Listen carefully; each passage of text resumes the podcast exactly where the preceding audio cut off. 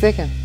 Ar žinote, kad mūsų laidą ir jos tyrimus nuo pradžios iki galo finansuojate tik jūs ir jūsų pinigų mums reikia? Be jūsų tiesiog čia nebūtų mūsų. Prisidėkite prie nepriklausomos televizijos kūrimo skirdami 2 procentus nuo sumokėtų mokesčių ir remdami mus Patreon platformoje. Socialinės apsaugos ir darbo ministras Linas Kukuraitis sako, kad kalbasi su berniuku keturmečiu metu, kuris buvo mirtinai sumuštas namuose. Ministras sako, kad tarėsi su nužudytų vaiku, kai reikia priimti svarbius sprendimus. Ministras skelbė savo žodį ir kad nužudyto berniuko vardu pavadinta reforma pagaliau leidžia stiprinti vaiko teisų apsaugą. Kas buvo žadėta ir kas per metus padaryta, savo žodžio dar taip neskelbint. Pradėta žadėti dar prieš Kukuraičio erą, kai saviečiuose tėvas sumetė į šulinį savo vaikus. Manyčiau, kad galėtų būti įsteigta institucija, kaip pavyzdžiui Vaikų teisės apsaugos inspekcija, kuri galėtų ir padėti savivaldai, ir teikti metodologinę pagalbą, bet tuo pačiu ir kontroliuoti. Aš kalbu apie inspekcinę funkciją. O kokia institucija, kaip tai bus padaryta, visiškai nesvarbu. Niekada nesu pasakiusi, institucijos papildomos kaip tokios. Reikia, visi girdi, ką nori girdėti.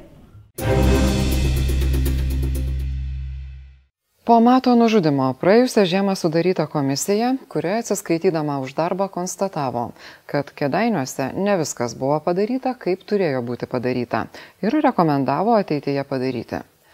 Komisija be kita ko suskaičiavo teisės aktus, kurie draudžia smurtą prieš vaikus ir dokumentus, kurie numato, ką ir kas tokiais atvejais turi daryti. Suskaičiavo ir įvertino vietos valdžios susidarimus su gydymo įstaigomis ir policija. Tiesa, turėjo pripažinti, kad visų duomenų jai nepateikė. Kas nors vis tiek ko nors nepateikė. Po metų pabandėme pasidomėti, kas po tų išvadų pasikeitė. Žinokit, dabar mums čia komentuoti žodžiu ne, nelabai, nelabai leidžiama, tai aš galėčiau atsiųsti jums tą tiesiog uh, išvadas, jos buvo viešos, buvo Seime.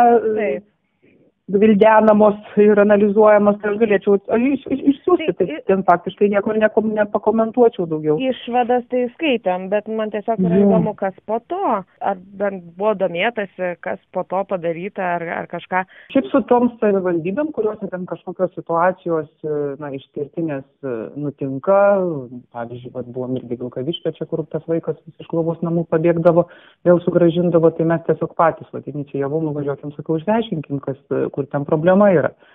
Ten, aišku, atskiro tyrimo nebuvo, nes čia kiekvieną kartą žinot tuos tyrimus, e, bet peržvelgt, kas, kokios problemos yra, nu, tiesiog išsiaiškinom ir į, įpareigojom, kad jie toliau padirbėtų ir kad kaip komanda, nes dažniausiai tas tarp institucinis bendradarbiavimas stringa, kiek vat, mes matom važinėdami ir per visą Lietuvą ir iš tų visų situacijų.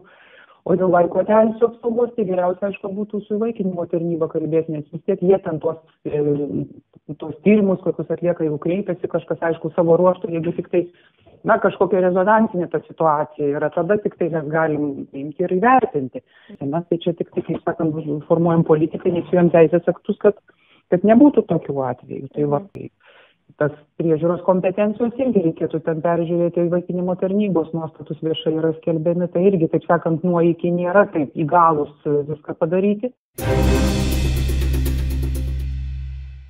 Su Vaiko teisų apsaugos ir įvaikinimo tarnyba norėjome pasikalbėti taip pat nuoširdžiai, kaip patarė ministro patarėja. Nes ta tarnyba, kaip teigiama jos pačios nuostatose, pagal kompetenciją turi užtikrinti vaiko teisų apsaugą. Tai kokia ta kompetencija?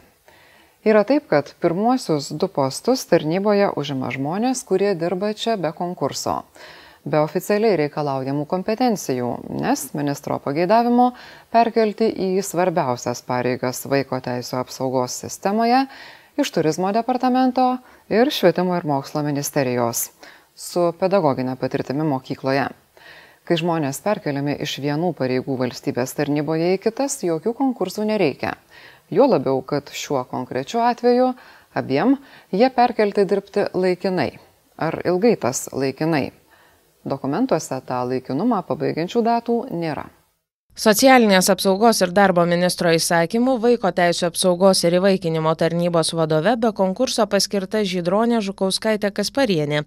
Ji perkelta iš švietimo ir mokslo ministerijos Čia vadovavo bendrojo ūkdymo departamentui. Ministerijoje pradėjo dirbti ministeriaujant žemietiai Audroniai Pitrieneniai. Dar anksčiau dirbo Skuodo Bartuvos progymnazijoje lietuvių kalbos mokytoja ir direktoriaus pavaduotoja ugdymui. Ir nors reikalavimuose nurodoma, kad šiam pareigūnui reiktų turėti teisės krypties įsilavinimą, ši pareigūnė tokio neturi. Socialinės apsaugos ir darbo ministerija mums atsakė, kad toks įsilavinimas nebūtinas, nes vadovė pareigas eina laikinai patirtį vaiko teisių apsaugos srityje ministerija irgi laiko nebūtina. Vadovės pavaduotoja dalia skučaitė į pareigas paskirta taip pat be konkurso. Anksčiau dirbusi valstybinės ne maisto produktų inspekcijos teisės skyriaus vedėja vėliau valstybinio turizmo departamento turizmo veiklos priežiūros skyriaus vyresniąja patarėja jos funkcijos turizmo departamente buvo teisiniai turistų turizmo paslaugų teikėjų turistinių kelionių pardavimo pirkimo klausimai. Perkelta be konkurso. Patirtis vaiko teisių apsaugos srityje nulinė. Dar viena tarnybos darbuotoja atstovė spaudai vaiva arnašė. Moteris veikli užima kelias pozicijas vienu metu Vaiko teisų apsaugos ir įvaikinimo tarnyba turi užtikrinti vaiko teisų apsaugą ir tą darydama koordinuoti darbą savivaldybių skyriuose, teikti jiems pagalbą patarimais, analizuoti sprendimus, formuoti praktiką. Ar tokį darbą galėtų dirbti žmonės, kuriems nekeliamas reikalavimas turėti patirties su vaiko teisų apsauga? Gali ir mūsų komanda turi laišką, kuriame aprašoma tarnybai vadovaujančios vadovės patirtis dėl vaiko teisės į ugdymą, o dėl antro žmogaus tarnyboje taip ir parašyta. Patirties vaiko teisų srityje neturi, bet tas pareigas einančiai tarnautojai tokie reikalavimai ne nebuvo keliami.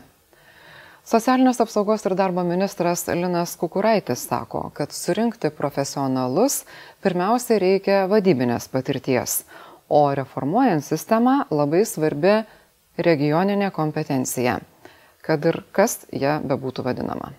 Su Židronė esu susidūręs ke keletui darbo grupių, jinai atstovavo švietimo ministeriją neįgaliųjų reikalų tarybai.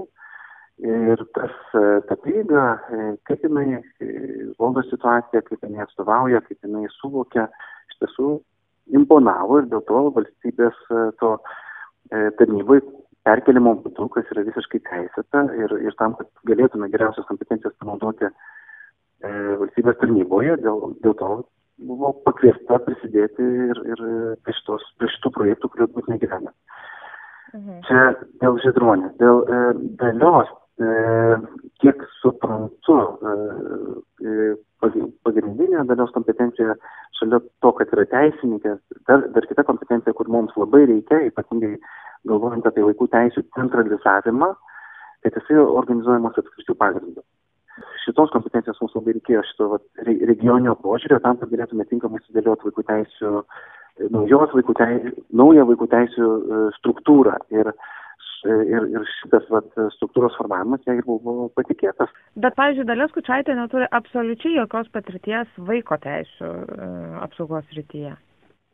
Ne, kaip aš ir sakiau, pagrindinė jos kompetencija, kuri yra reikalinga šalia to, kad jinai yra teisininkė, e, e, būtent e, tai, kad jinai išmanytų regioninį, nu, turėtų tą regioninę kompetenciją. O dėl vaikų teisų specialistų e, surinkimo tiesioginiam darbui su žmonėmis, tai, tai tam irgi, mano galva, tam pirmiausia, tai reikia aukštos vadybinės kompetencijos, kad prie tokių žmonių prieitum ir juos pasikviestum.